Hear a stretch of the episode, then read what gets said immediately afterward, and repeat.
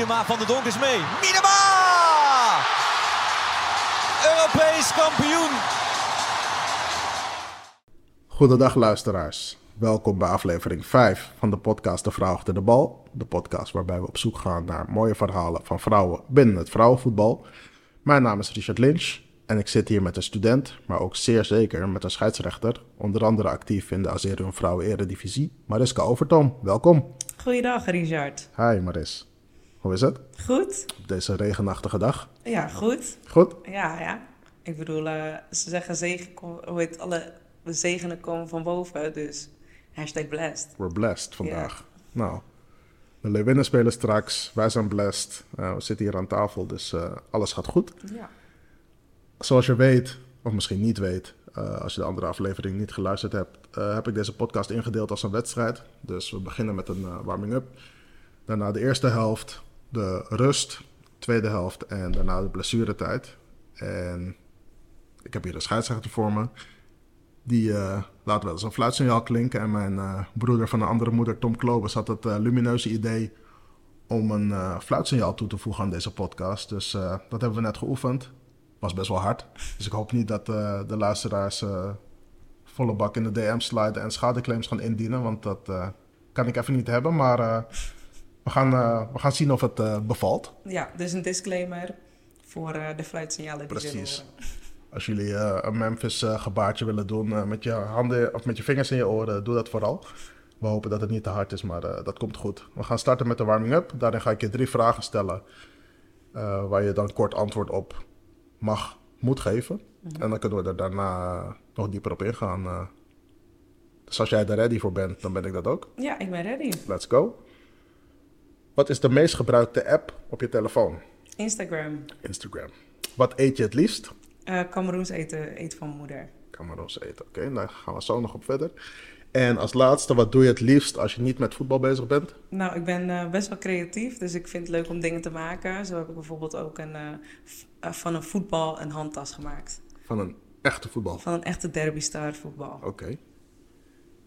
Interessant. En hoe heb je dat dan hoe heb je dat gedaan? Nou, ik heb hem opengesneden, een rits erin gezet, handvaten eraan gemaakt. En, eh, Maar dat doe je niet eventjes, eventjes toch? Als in... nou ja, ik ben best wel handig, dus het, het heeft wel even geduurd natuurlijk. Want ehm, ja, met uh, handnaaienwerk, eh, door die dikke Het is best wel een eh, stug materiaal natuurlijk. Klopt, dat was wel, ik zou zeggen, bijna met bloed, zweet en tranen. Ik heb het e- alleen niet gehuild, dus het was wel met zweet en bloed. Ja.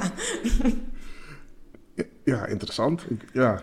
Heb, heb je die tas ook echt daadwerkelijk Ja. dat je hem gebruikt? ja, ik gebruik hem ook. Maar Ja. hij ligt in het hoge noorden, denk ik. Nee, hij ligt hier eh, Oké, bij mijn nou, dan wil ik hem Ik zo kan hem zo wel even, even laten zien. straks wel even zien. Je zei eten van je moeder, wat je het liefste eet. Cameroens eten. Ja.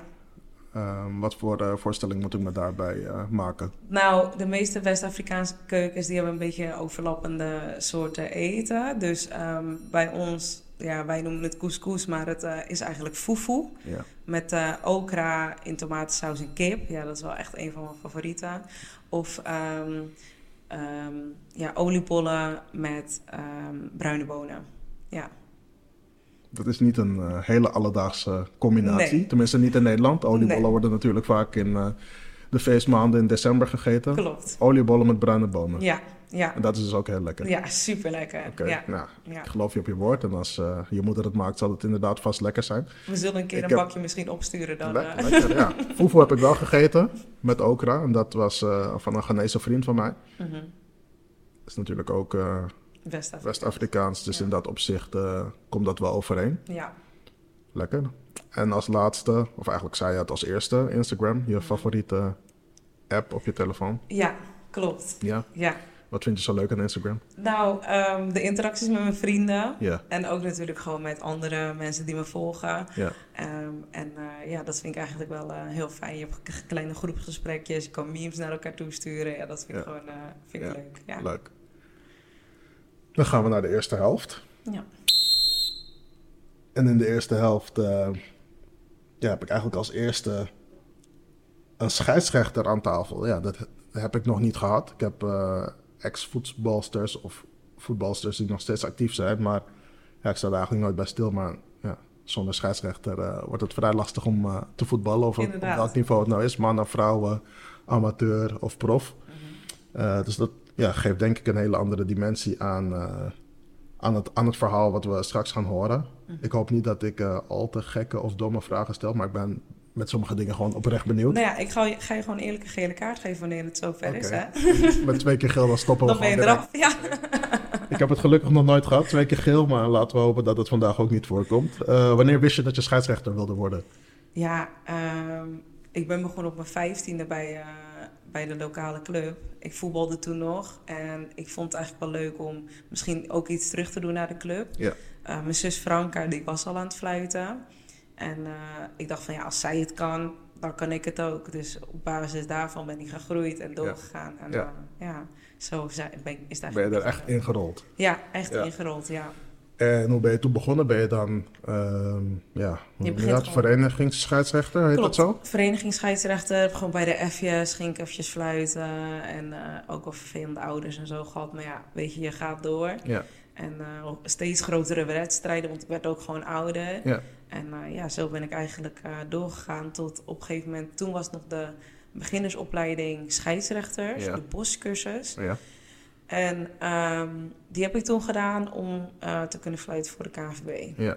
uiteindelijk. En voetbalde je daarnaast dan ook nog? Of deed je Ja. echt alleen fluiten? Ja, overlappend zeg maar, zou ik zeggen dat ik dan eh, drie à vier jaren eh, heb gefloten en gevoetbald. Ja, Oké. Je had het net over eh, je zus Franka. ja, Eh, je hebt ook een broer, Willy. Daar Ja. heb ik nog eh, tegen gespeeld toen hij bij Hollandia speelde. En ze al kampioen werden in de hoofdklasse. Hij was niet... hij kon best een aardig balletje trappen. Hij ging, dan, hij ging daarna ook naar Heracles. Dus ik denk dat het wel terecht was dat ze toen kampioen werden. ja. Ehm, hebben jullie dat sportieve van huis uit meegekregen? Nou, ja, mijn moeder was wel eh, heel sportief. Mijn vader was ook wel sportief. Mijn vader die was be- bezig met handbal en eh, voetbal vroeger. Ja. En mijn moeder die was wel fanatiek eh, hardloopster. Oké. Dus ze was ook eh, daar geselecteerd in Cameroen voor een hardloopteam.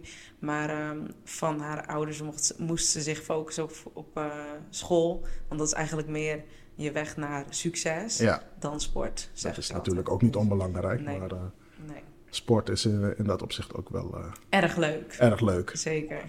We gaan straks nog dieper in op je carrière als scheidsrechter. Maar ik ben, eh, ben wel benieuwd wat je naast het fluiten nog meer doet. Ik weet dat je in het Hoge Noorden studeert. Ja, klopt. Vertel. Nou, ik studeer farmacie, dus opleiding tot apotheker. Ik ben nu eh, bezig met mijn laatste jaar in de masterfase aan de universiteit. En ja, daarnaast ben ik ook nog docent bij de KNVB bij het op, voor het opleiden van nieuwe scheidsrechters. Ja. Verenigingsscheidsrechters, dan wel eh scheidsrechters die uiteindelijk eh, voor de KNVB willen fluiten. Ja.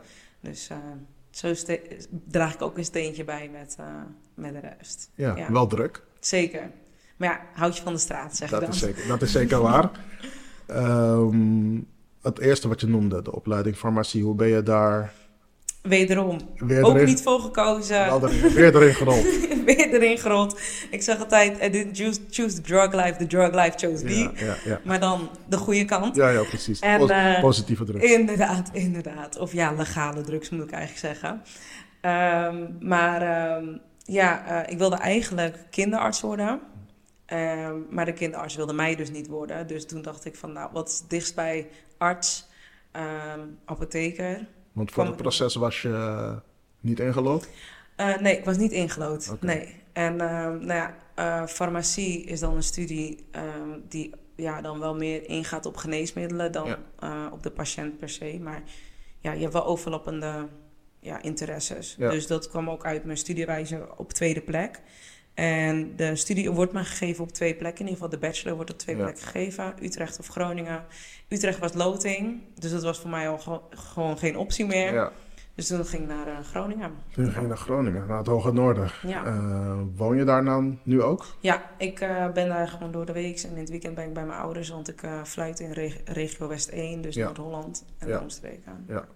En dat valt wel tot nu toe goed te combineren. Ja, nou ja, ik doe het nu al tien jaar, dus eh, dan raak je er wel een beetje aan gewend. Ja, en Ja. die, ehm, die opleiding, tenminste die opleiding, Mhm. ehm, het docentschap wat je ook volgt, is dat dan door de week of in het weekend? Of Ehm, verschilt dat heel erg? Ja, dat is dan door de week. Ja. Ehm, want eh, dan word, ik word namelijk ingezet in Groningen en omstreken Ja. om daar op te leiden. Ja, Dus daarvoor ben ik ook aangenomen, zeg maar. ja. En dan, ehm, ja, je wordt zo nu en dan ingezet. Het is niet alsof je continu Nee, bezig precies. bent. Nee, het is geen wekelijkse job. Nee, het is gewoon flexibel, Oké.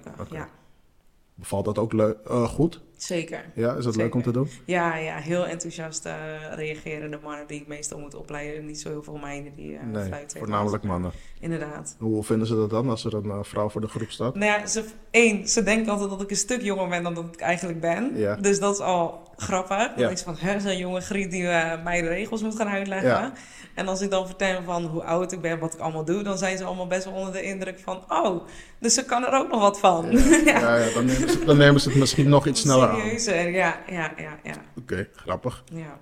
Wil je ehm, later eh, nog daadwerkelijk iets met de studie doen? Mocht het fluiten Ja. niet, niet genoeg opbrengen? Nou, dat is sowieso waar. Wij eh, krijgen, krijgen een stuk minder betaald dan eh, de speelsters, moet Ja. ik eerlijk zeggen. Ja. Maar ehm, ja, ik vind het fluiten wel superleuk. Dus dat zal ik altijd wel willen blijven doen. Tot, totdat ik denk van oké, nu is mijn carrière echt voorbij. Ja, Ik bedoel, het blijft fysiek. ja.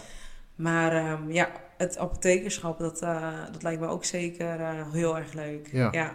Het, is, eh, het is een interessant vakgebied, denk ik. Zeker, zeker. Ja, want ehm, mensen die komen naar de apotheek zien eigenlijk alleen het doosje. Ja. Informatie, een beetje wat, wat Ja. je krijgt. En die lopen weer weg. Een beetje hetzelfde met scheidsrechter. Bent- Iedereen ziet je, Ja. maar niemand weet precies wat het inhoudt. Want moet jij dan ook die vraag stellen, bent u bekend met dit product? Eh, Inderdaad, ja, ben ik bekend met dit medicijn? Eh, moet ik nog meer uitleggen, et cetera. Ja. En Ja. vaak zeggen mensen, nee, ik weet het wel. En, eh, Mhm. En dan moet ik alsnog die vragen doorlopen. ja, Ja, precies. Ja, dat is een protocol, net als wat je in, je- in je scheidsrechtersvak hebt. Ja, zeker. Ehm, ja, wat ik net aan het begin ook al zei, van sommige dingen heb ik echt geen idee. Mhm. Zoals bij deze vraag ook niet. Ehm, mocht je op de A-lijst, of ik weet niet hoe dat heet, eh, komen te staan, verbeter me gerust zometeen. Eh, mocht je op de A-lijst komen te staan eh, als scheidsrechter, kun je daar dan wel van leven of ook niet? Nou, ik zou echt ehm, betaald voetbal van de mannen moeten halen. ja, En internationaal bij de mannen moeten actief zijn. ja, Wil ik ehm, genoeg geld verdienen, zou ik zeggen. ja, Maar ja, als je kijkt naar een Björn Kuipers of Mhm. een eh, Danny Makker, die, die hebben ook allemaal gewoon een baan daarnaast. ja, precies. Ik bedoel, je kan één keer goed geblesseerd raken Ja. en dan is het gewoon, gewoon over. Ja, Dus dan is het beter om iets achter de hand te hebben dan je alleen je eh, steun te hebben bij het fluiten. ja, want het is niet zoals een profvoetballer dat je eh, vijf, zes dagen per week traint. Nee, Eh, ja, ja, je traint wel, maar anders. maar anders. Dus je kunt ook daarnaast nog wel gewoon. Precies, het zijn niet de Werken. hele dagen dat je kwijt bent aan Precies. training. Klopt. Ja. Interessant. Ehm, ja, we gaan zo meteen, eh, wat ik zeg, nog dieper in op eh, het scheidsrechterstuk, want ik heb nog veel meer vragen daarover. Ja, Ehm, we gaan nu naar de rust. oké. Daarin, ja, voetballers die eh, drinken thee, eh, hebben een kleine evaluatie met het team, met de Mhm. trainer. Wat doet een scheidsrechter in haar eentje in een eh, scheidsrechterskamertje? Nou, even wat drinken ook, Ja. natuurlijk. Ehm, even nadenken over de beslissingen die tot nu toe zijn gemaakt. Ja. Ehm, ja, zo, soms dan heb je een coach te kijken, bijvoorbeeld. En Ja. die kan dan wel eens in de rust langskomen. Hoeft natuurlijk niet altijd. Want een coach is dan een waarnemer, dat is weer wat anders, toch? Ja, Ja. zeg maar, een coach is dus iemand die komt kijken omdat die jou eh, ook daadwerkelijk eh, tips en tops geeft. Ja, een ja, waarnemer is iemand die ja, jou die jou beoordeelt. echt beoordeelt. Ja. dus eh, ja, dat eigenlijk. Dat heb ik wel vaak gehoord van er is een waarnemer, dus die scheids gaat extra streng doen of opletten. Maar dat is dus een coach en een waarnemer. Oké, duidelijk. Ja, Ehm, en dan ga je dan uiteindelijk weer de, het veld op. eh, ja. de teams halen. Of Ja. is er eh, bijvoorbeeld bij de, als een vrouw eredivisie is, er dan een belletje dat de teams. Nou, dat verschilt een beetje per club inderdaad. Ja, Ja, de ene die heeft dus, ja, de ene heeft dus wel een bel, de andere die eh, dan stuur ik mijn assistenten om ze op te halen. Ja. Vaak ehm, gaat mijn vierde official al checken of ze nog wissels hebben. En dan komen die meiden ook al heel vaak de kleedkamer uit. Dus zo regelen we het eigenlijk. Als je gewoon een teampje hebt, dan is het veel makkelijker Ja, te precies. organiseren. Ja, dan. hoef je niet alles in je eentje te doen. Precies, alleen bij de amateurs is dat weer anders. Ja, komen we zo op. Want Ja. die fluit dus mannen en vrouwen. Daar gaan we Ja. zo meteen nog verder op in. Ehm, nou, na de rust heb je dus de spelers eh, opgehaald. Gaat de tweede helft starten, net zoals wij nu gaan doen. Ehm, je carrière als scheidsrechter, eh, betekent dat dan dat je alleen maar fluit? Of ben je ook wel eens vierde official of VAR? En, eh, of zijn er ook weer specifieke eisen verbonden aan het zijn van een VAR official? Ja, het, eh, voor een VAR wel. Als vierde official ben je eigenlijk reserve. Ja. En dan is dat de reserve voor de scheidsrechter ofwel de eh, assistenten. Ja, Ehm, eigenlijk fluit ik alleen maar. oké. Ik zou eigenlijk wel nog willen om misschien één keer ehm, per seizoen een keer die vlag vast te pakken. Want eh, stel dat het, een keer eh, Ja. dat het een keer voorkomt dat een assistent uitvalt. Ja, dan moet je Ja. toch wel weten hoe... Moet je wel weten. Ja. Kijk, gelukkig heb ik een hele goede zus. Waar ik heel vaak naar kijk. En Ja. waardoor ik dus wel een beetje die handelingen weet. Maar Ja. toch zijn er bepaalde dingen, greepjes. Ja, Waarvan je denkt van, oh ja, dat, daar heb ik nooit over nagedacht als Nee. assistent. ja. Maar eh, als VAR official moet je wel een certificaat halen. En moet je ook actief zijn ehm, bij de mannen professioneel. Wil je daar eh, ehm, ja, dat mogen uitvoeren. Oké, dus daar zijn wel nog specifieke eisen voor. Ja, Over de VAR gesproken, eh, vind je dit een vloek of juist een verademing voor een scheidsrechter? Ehm, nou, ik kan wel begrijpen dat wanneer je naar het scherm geroepen wordt, dat je dan denkt van shit, ik heb een fout gemaakt. Mhm.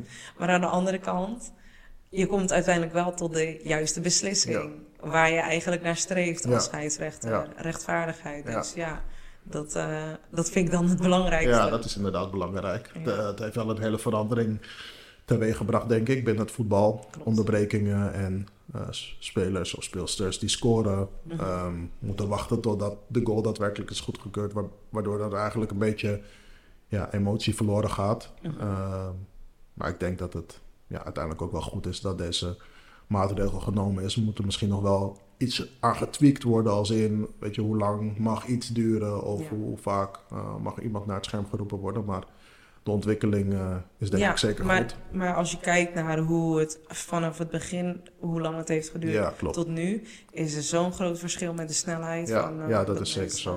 Ik zag het ook natuurlijk op het afgelopen WK. Ja. En daar werd natuurlijk ook aangegeven ehm, in het stadion ehm, best duidelijk ja, wat de beslissing was. Dus ja, er was geen twijfel bij. nee. Supporters, spelers, speelsters, coaches, wat dan ook. Er was gelijk duidelijk wat de beslissing was. Klopt. En dat werd dan door het hele stadion geroepen. Dus dat is denk ik wel een goede, een goede ontwikkeling. Ja. Eh, ik gaf net aan dat je onder andere, als hier een vrouwen eredivisie fluit, Ja. eh, welke niveaus mag je nog meer fluiten? Zijn dat alleen mannen of ook Ja. vrouwen dus? Eh, nou, bij de vrouwen dus de eh eredivisie. Maar bij de mannen fluit ik dan eh, derde klasse en tweede klasse. Ja, En dan reserve hoofdklasse. oké. Dat is best een groot verschil. Als in bij de mannen alleen amateur en bij de vrouwen eigenlijk het hoogste niveau van Nederland. Ja, klopt. En ik denk dat het eigenlijk een beetje komt in welke regio ik zit. Ja. Zoals jij eigenlijk al aangaf, er zijn heel veel clubs. Ja, Ehm, dus er zijn ook heel veel scheidsrechters Ja. in de Randstad. ja, Dus dan heb je, de groepen zijn gewoon zo groot, dat op een gegeven moment heb je niet heel veel ruimte om te promoveren. nee. Dus er zouden zoveel mensen moeten degraderen om zoveel mensen te kunnen promoveren. Ja. Dus ja, de, helaas zit er een limiet aan. En daardoor kom ik niet echt makkelijker uit de schoenen. Plus, eh, we hebben maar twee rapporten per seizoen. Ja, En dan moet je nagaan, we fluiten bijna 16 wedstrijden. Ik bedoel, je kan ehm 14 wedstrijden goed hebben gefloten. En dan twee wedstrijden helemaal en dan hebben dus verpest. en dan waar, die ik het- waar ik het net over had. Pre- Precies, en dan heb je net een, eh, een eh, ja, niet zo'n goed rapport. En daardoor kan je dus ook niet promoveren soms. Want met het promoveren moet ik het dan zien zoals clubs. Dus je kan één seizoen, binnen, een seizoen of na één seizoen kun je promoveren? Of is dat. Ja. langer of korter? Nee, binnen een seizoen kan je eigenlijk ook promoveren. En dus ook degraderen. Ja, je kan ook degraderen. En mocht jij onverhoopt degraderen, waar kom je Ja. dan terecht? Dan kom ik in de derde, eh, eh, vierde klasse terecht. Maar, ehm, hoe heet het? ehm, dat is meestal als je je spelregeltoets niet maakt. Mhm. Dat je niet op kon dagen bij themabijeenkomsten. En wanneer je rapporten heel slecht Ja. zijn. Maar ja, dat overkomt mij eigenlijk niet. nee. En als je promoveert, dan zou je naar eerste, tweede klasse gaan? Of, Ja, en daarboven, dan heb je steeds weer gradaties. Dus juist. dan bijvoorbeeld hoofdklasse en dan, eh, of tenminste hoofdklasse is nu eh, Vierde divisie, divisie. vierde divisie, derde divisie. Ja. Zo maak, zou je eigenlijk steeds stapjes kunnen maken en Ja. daarnaast dan nog dus uh, als Zero Vrouwen Eredivisie Ja. blijven fluiten. Ja. Oké, interessant. Ja, Ehm, ik zag eh, op je Instagram voorbij komen dat je onlangs in Italië bent geweest voor de EK-kwalificatie voor speelsters onder de 17 jaar. Ja. Hoe was dat? Mooi avontuur? ja was zeker heel erg leuk. Ja. wat wat heb je daar gedaan? Ehm, nou, ik heb twee wedstrijden gefloten. Eh, ik heb eh, Frankrijk tegen Schotland gehad. En ik heb eh, eh, Italië tegen eh, Schotland gehad. Mhm. En ehm, ja, uit beide wedstrijden weer hele mooie punten kunnen halen. Ja. Waar we weer mee aan de slag kunnen. Ja. En ehm, ja, ik ben benieuwd eh, hoe dat verder in mijn ontwikkeling eh, ook weer bij kan dragen. Want Ja. ik denk dat het niet alleen op dat niveau of bij de vrouwen eredivisie eh, nuttig is om te weten, maar ook op eh, amateurniveau. ja. Ja. En is dat dan, eh, bij zo'n activiteit heb je dan een vast team aan eh, officials of, Nee. en assistenten? In, op, dit niveau, op dat niveau niet. Nee. Ehm, ik ging met één assistent. Mhm. Eh, en eh, met Isabelle van Geelst. En ehm, dan zijn wij dus met z'n tweeën. En dan wordt het aangevuld met een ander duo uit een ander team. Oké. Wel, uit, uit, wel- andere, uit een ander land. Oh, oké. Ja. Dat wilde ik vragen. Wel Nederlands, maar niet Nee. dus. Nee. Ander, een ander land. Oké. Dus we hebben één keer samengewerkt met de Italiaanse. Ja. En we hebben één keer samengewerkt met... ehm waar komen ze ook weer vandaan? Ehm S- Slo- Slowakije? Ja, De voertaal is dan Engels? Of... Engels. Ja. Ja. Oké. Nou, dan gaat, het hele, dan gaat de hele wereld voor me open. eh, wat betreft het scheidsrechtersvak. ja. Ehm, er wordt vaak afgegeven op scheidsrechters, tenminste, dat is wat ik zie en hoor. Eh, wanneer heb jij het gevoel dat je een goede of lekkere wedstrijd gefloten hebt? Ehm, nou ja, wanneer ik. eh, ja, het is meer het gevoel van hoe je jezelf uitdraagt ook Mhm. als scheidsrechter. Als jij het gevoel hebt van: oké, ik heb goede beslissingen gemaakt. Ik eh, heb het spel ook lekker door laten lopen. Ja. Ik communiceer lekker met spelers. Ja, Ja, dan, dan vind ik het eigenlijk al eh, een geslaagde wedstrijd. ja. Ja, niet uit de hand laten lopen is het minimale eigenlijk. Ja. Nou, dat gebeurt bij vrouwen gelukkig. Ik heb het eigenlijk nog nooit gezien, maar gelukkig niet zo vaak. Nee. Gebeurt dat ehm, in de tweede, derde klasse of reserve Ja. hoofdklasse wel eens? Ja, ja, dat is me wel eh, afgelopen seizoen is dat me één keer overkomen. Maar ehm, ik was wel wel bekend met die ploeg, want het is al een keer eerder bij diezelfde ploeg Ja. voorgekomen. Ook bij jou? Of dat Ook bij niet? mij, maar ook bij andere scheidsrechters. Dus het is niet vreemd, Nee. laat ik het zo zeggen. En hoe ging je daar dan mee om? Ehm, nou, ik heb de wedstrijd helaas moeten staken. Ja. En ehm, dan schrijf je een rapport naar de KNVB. Definitief staken dus. Definitief Ja. staken. Ja, want je kan wel denken van oké, nu is het een beetje over. Maar als je gewoon een beetje voelt van Het komt weer terug. het komt weer, het gaat sowieso terugkomen. Of die spelers die zijn gewoon, hebben gewoon een bepaalde eh, manier van voetballen of een bepaalde manier van praten. Wat het andere team niet aanstaat en vice versa. Ja, Ja. dan gaat dat gewoon niet werken. Nee. Ja, dat is ook iets wat je dan ja, met een soort van voelsprieten moet aanvoelen. Maar Ja. ja. ik denk dat je daar genoeg ervaring voor hebt om Ja, aan te voelen of je wel of niet eh, door moet gaan. inderdaad. Ehm, als je bijvoorbeeld een penalty geeft, kun je dan die beslissing direct nemen of eh, moet je daar een aantal seconden over nadenken? Nee, over het algemeen ben ik best wel snel met het analyseren van de situatie. Ja. En dan denk ik van oké, dit is een penalty. Dan moet je natuurlijk ook ja, weet je, de juiste positie innemen. En, Zeker. tenminste, op de juiste positie staan om Ja. eh, het feit waar te nemen. Ja, Ja, ik zit een beetje te denken over ja, überhaupt het scheidsrechtersvak en hoe ik daar dan naar kijk. Maar wat ik net aan het begin ook al zei, ik sta er eigenlijk niet bij stil. Maar eigenlijk is het zo van, ja, als er geen scheidsrechter is, dan kun je sowieso niet spelen. Dus ik denk dat voetballers, maar ook voetbalsters dat, ja, denk ik wel wat vaker mogen waarderen. Maar ja, er wordt, wat ik net ook al aangaf, best wel vaak afgegeven op de scheids. Klopt. En, eh, Ah, het is makkelijk hè. Ik bedoel, ja. ja, klopt. het is heel makkelijk op één persoon die eh, zo nu en dan fluit de schuld te geven dan te kijken naar je eigen presteren. Ja, Het is veel makkelijker om de vinger te wijzen, maar als je één vinger wijst naar een ander, wijst de drie naar jezelf. ja. Dus Ja ik, ja, ik ben een beetje aan het nadenken over. eh, ik ben wel een spelbegeleider geweest bij het team van mijn dochter. Nou, dat is dan nog tot daar aan toe. En dan moet je eigenlijk zo min mogelijk fluiten en het spel zoveel mogelijk Klopt. door laten gaan. Maar ja, als je toch eh, op een vrij serieus niveau scheidsrechter bent, dan eh, komt er toch best wel wat, eh, best wel wat bij kijken. Ja. Ja. Nou, je had het net over dat je wel eens een wedstrijd, of tenminste de wedstrijd waar je het net over had, eh, hebt moeten staken. Ja. Zijn er ook momenten dat je je onveilig hebt gevoeld als vrouwelijke scheidsrechter? Mm, nee, niet dat ik, niet dat ik weet. Het, dat gevoel heb ik eigenlijk niet, eh, niet echt gehad. Nee. Nou, gelukkig maar. Ja, heel erg eh, gelukkig. Ik heb wel eens natuurlijk... eh, je krijgt wel eens wat te horen van mensen langs de zijlijn en Ja. zo. Maar het scheelt ook wel. Kijk, ik sta mijn mannetje wel. Ja, En het scheelt ook wel dat spelers nu ook steeds meer waardering krijgen voor scheidsrechters. Ja. Steeds meer zien van... Oh, ehm, wat er nu gebeurt, dit kan eigenlijk niet. nee. Weet je, dus dat, dat scheelt ook al een Dus eh, een soort van, nou niet zichzelf, maar het team corrigeren op die manier voordat jij dat Ja, moet doen. ja, vaak wel eigenlijk. Ja, Ja, maar dat en is- dat, dat scheelt echt heel veel. Ja, dat is een mooie, mooie ontwikkeling. Ja, Hopen dat dat eh, een beetje door kan een zetten. beetje door kan zetten. Ja. Wat is eh, het leukste wat je ooit hebt meegemaakt als scheidsrechter? Nou, nou, nu vraag je me wat hoor.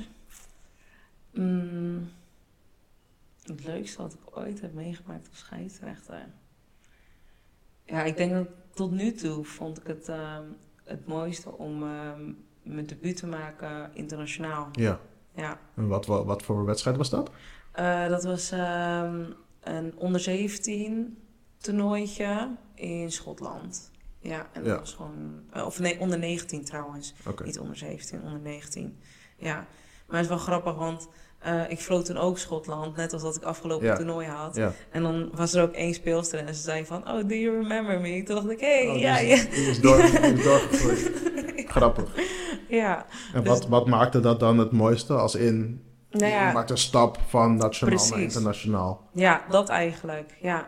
Ja, ik heb helaas nooit echt een FIFA-badge-uitreiking gehad vanwege dat ik eh, FIFA we- werd eh, tijdens corona. Ja. En, ehm, maar ja, dan is dit toch al mooi. Maar Ja. wat ik ook heel mooi vond, dat, eh, dat, dat vond ik echt... Daar kreeg ik bijna tranen van in mijn ogen. Dat was toen ik ehm, mijn FIFA-badge kreeg. Of nou, kreeg, ik kreeg hem gewoon via de post. Ja. En ja, maar ehm, toen ehm, had mijn zus had een ehm, baldrukmeter gekocht Ja. en aan me gegeven. Oh ja. Zo van, nou ja, zodat ik dat mee kon nemen Ja. naar alle wedstrijden. Ja, en ja, dan is het zoiets kleins. Maar wel iets Maar- tastbaars. Precies. En, het, en dat het van mijn zus komt, dat is nog mooier natuurlijk. Ja. Ja. Ja. Tegenover het leukste staat natuurlijk ook het minst leuke. Wat is het minst leuke dat je ooit hebt meegemaakt als scheidsrechter? Nou Ja, ik denk dat het misschien echt heel vroeger was. Dat ik echt huilend van het veld af, afkwam. Omdat, ehm, hoe heet het, eh, ouders tegen me liepen te, te schreeuwen. Ja. Dat, eh, dat staat me nog echt wel heel goed bij. Dat ik gewoon niet meer wist wat ik moest doen. En dan moet je nagaan. We hebben het over gewoon de onder eh, acht, onder Ja, zeven gewoon wedstrijden. Inderdaad. Maar ja, dat is nu gelukkig veranderd. Dus ik ben blij dat andere scheidsrechters dat niet mee hoeven maken. Vooral aan het begin van je carrière. ja. En dan waren het niet eens de spelers. Nee, Maar waren ouders. het ouders. Wat- Volwassen wat- wat- mensen. Wat, voor, wat voor dingen riepen ze dan? Ja, dat ik, eh, dat ik er niks van kon en dat, eh, dat ik kinderachtig was. Ik was letterlijk ook nog een Ja, kind. dus dat is op zich niet. nee, nee. Maar ja, ik vond dat ik best wel goed bezig was. Maar ja, Ja. ja, ja zij waren heel erg boos. Oké. Ja. Ja. En, en wie ving je toen op? Ja, je ging uh, Haaland van het veld. Is er dan iemand die je opvangt? Of loop je naar, de, loop je, naar je, je, je scheidsrechterskamertje toe? Nee, ehm, ja, ik liep naar de kantine en degene die me opving was dan eh Cor Wester. Die, heeft ook, die is heel lang actief geweest bij ons bij de club. Ja. Ehm, en is ook eh, een tijdje lang met eh, mij en mijn broertje en Franka meegegaan naar wedstrijden. ja. Dus ja, hij is eigenlijk nu ook een soort van part of the family. Ja, ja. Er was laatst ehm, de week van de scheidsrechter. Ja. Klopt dat? Ehm, wat, wat, wat heb je daar eh, van, mee, nou niet meegekregen, maar heb je daar iets van extra waardering uit- voor gekregen vanuit de KNVB? Eh werd er extra bij stilgestaan? Ik heb het namelijk voorbij zien komen, sowieso op jouw social media, maar Eh, ook nog op de website van de KNVB. Klopt. Eh, Ja, wij krijgen altijd een, een, een kleinigheidje van de KNVB, sowieso kaartje en dan nog eh, iets leuks. Ehm, van de clubs, nou, ik was dus bij Feyenoord te, als vier official. ja, Kregen we een grote bosbloem. ja, dus dat was ook heel erg leuk. En bij de club waar ik toen aan het begin van de week van de scheidsrechter was, kreeg ik een merci. oh ja. Dus dat is ook wel, Ja. wel leuk. Ja. Het is wel leuk dat ze daar dan uiteindelijk ook eh, bij stilstaan. ja zeker. Zou jij als scheidsrechter ehm, jonge meiden, maar misschien ook mannen, jongens, willen oproepen om, als ze dat willen, om eh, scheidsrechter te worden? Zou je, Ja. zou je ze dat adviseren? Ja, ik, ik denk dat het wel. ehm, je moet wel echt een eh, sterk karakter hebben, natuurlijk. Maar ik vind het wel echt een heel leuk vak. Ik, wil, ik zeg eigenlijk van. Ehm, ik heb altijd ook de beste plek op het veld om de doelpunten te zien. Dus weet je, Ja, ga lekker op het veld staan, maar dan op een andere manier. Zeker als je geen talent hebt om te voetballen. ja, ja dat, is, dat is ook nog een, eh, een belangrijke.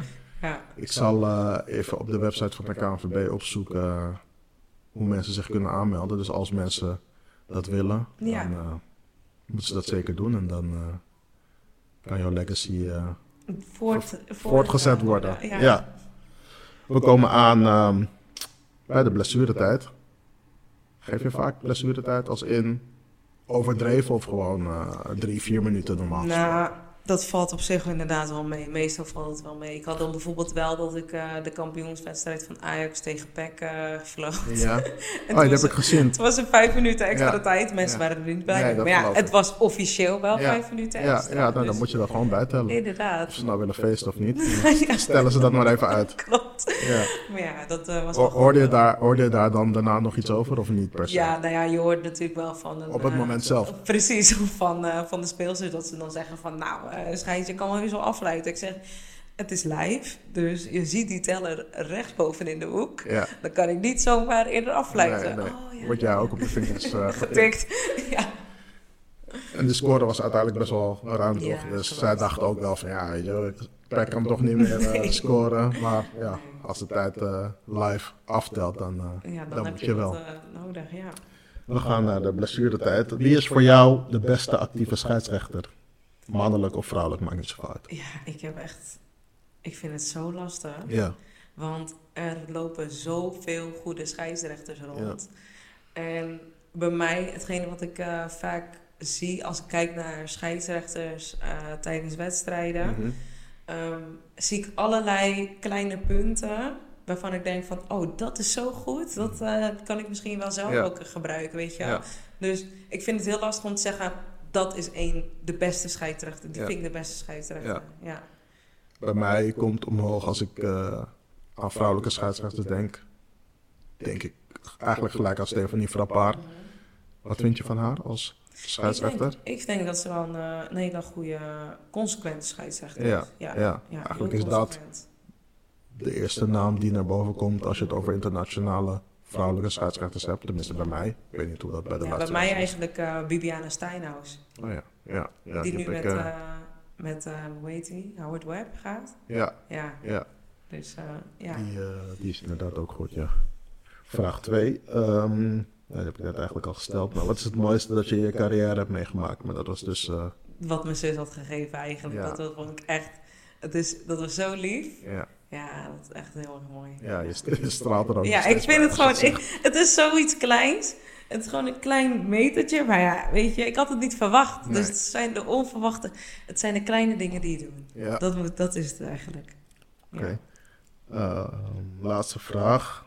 Eh, wat mis je totaal niet aan het voetbal al op het moment dat het winterstop of zomerstop is? Want die heb jij natuurlijk ook. Ja, klopt. Ehm, ja, wat mis ik dan niet? Ik vind het zo lastig. Ik ben dan altijd met familie. Ja, En ja, het voordeel van dat je zo'n leuke familie hebt, is dat je ehm, dus ook gemeenschappelijke interesse hebt in Ja. voetbal. Dus Ja. eigenlijk zijn we toch nog een beetje bezig met voetbal. ja. Nou ja, ik en mijn zus houden wel van zingen, dus wij doen dat ook nog wel samen. Maar eh, ja, ik, eigenlijk eh, heb ik dan altijd wel mensen om me. Misschien zeurende spelers. Ik denk dat ik dat het minst, het minst mis. ja, zeurende Zeurende spelers. spelers. Ja. Want wat, wat voor dingen krijg je allemaal naar je hoofd? Geef eens, geef eens, geef eens een voorbeeld voor de, voor de luisteraars en voor mij. Wat had ik laatst ook weer gehoord? Ehm, Want ik weet zelf ook dat spelers kunnen zeuren tegen scheidsrechters. En heel vervelend kunnen. kunnen zijn. Zijn. Ja. Oh, maar dat, ik probeer dat altijd gewoon meteen weg te filteren. Dus ik vind dat heel moeilijk om Ja. eh, nu weer naar voren te halen. Maar je zegt zeurende, heb je ook wel eens scheldende of vloekende of... Ja, maar dat is jaren geleden geweest. Echt, toen ik nog in de vijfde klasse eh, floot. Ja. Ja, dan ben je eigenlijk beter dan het niveau waar je op fluit. Ja. En dan krijg je alsnog te horen, ja, ze kan er niks van. En ze weet niet eens wat buitenspel is. Ik, Ja, ik ben een vrouw, hè, heel typisch. ja. Maar Je eh, hebt ook geen spelregeltoetsen. nee, totaal Nee. niet, nee. Ja. Dus dat, dat is dan op zich aan de ene kant is het, is het sneu dat ze zo denken. Maar aan de Ja. andere kant denk ik van, ach, laat ze maar lullen. ja, precies. Na 90 minuten en een beetje is het voorbij. Inderdaad. Ik heb, eh, als je de eerdere aflevering hebt geluisterd, eh, voor jou ook iets meegenomen. Een eh, mok Ja, van eh, de vrouw achter de bal. Dus eh, die is voor jou. dankjewel. Mag je hier laten of eh, misschien meenemen naar eh, het hoge noorden. Nou ja, ik denk dat ik hem hier laat en dat ik eh, er zeker thee uit ga drinken, want dat is wel een van mijn favoriete drankjes. Lekker. Oké, nou, helemaal goed. Die is voor jou. Ehm, dan wil ik jou bedanken eigenlijk voor dit open en grappige gesprek. Met voor mij veel inzichten. Misschien voor de luisteraars ook. Want ik ja, ik ben wel bekend met het scheidsrechtersvak. Maar dan puur als iemand die mijn wedstrijd fluit. ja, Weinig ins en outs. En die heb ik nu eh, wel gehoord. Dus eh, bedankt daarvoor. geen dank. Ja. Superleuk. Ik wil eh, de luisteraars ook nog iets vragen. Vond je dit nou een leuke podcast? Laat dan vooral even een review achter op Spotify. Of op Apple, Apple Podcasts. Want daar wordt hij ook beluisterd. Eigenlijk speciaal voor Mariska heb ik hem daar ook op gezet. Dus eigenlijk op alle streamingsdiensten waar die maar ehm, te beluisteren is, de podcast. ehm, laat dan vooral even een review achter. Zo wordt de podcast beter vindbaar voor nieuwe luisteraars. En wil je de volgende aflevering niet missen, ehm, abonneer je dan even op dit kanaal. Jullie kunnen me ook volgen op Instagram, de vrouw achter de bal. En voor vragen, opmerkingen of misschien wel commerciële samenwerkingen, kunnen jullie mailen naar de vrouw achter de bal gmail.com. Mariska, nogmaals bedankt. ja. Veel succes, veel plezier. Eh, ik hoop dat je de komende jaren nog veel kleine stapjes mag maken. En eh, dat je je studie eh, goed mag afronden. Dankjewel. Ik eh, blijf je volgen. Ehm, de leuke filmpjes op je Instagram. Ik zal het ook in de show notes zetten, jouw Instagram. Zodat eh, je hopelijk na mijn uitzending, eh, of na deze aflevering, eh, weer wat volgers erbij krijgen die jou eh, ook kunnen volgen. Het is zeker, eh, zeker een volgtip. Dus ehm, Ja, en ik hoop dat ze dan ook met vragen komen over het scheidsrechtersvak. Want eh, we hebben nog lang niet alles besproken, zou ik zeggen. Nee, dat, eh, dat denk ik ook niet. Eh, nogmaals bedankt. En eh, voor de luisteraars wil ik zeggen, tot de volgende.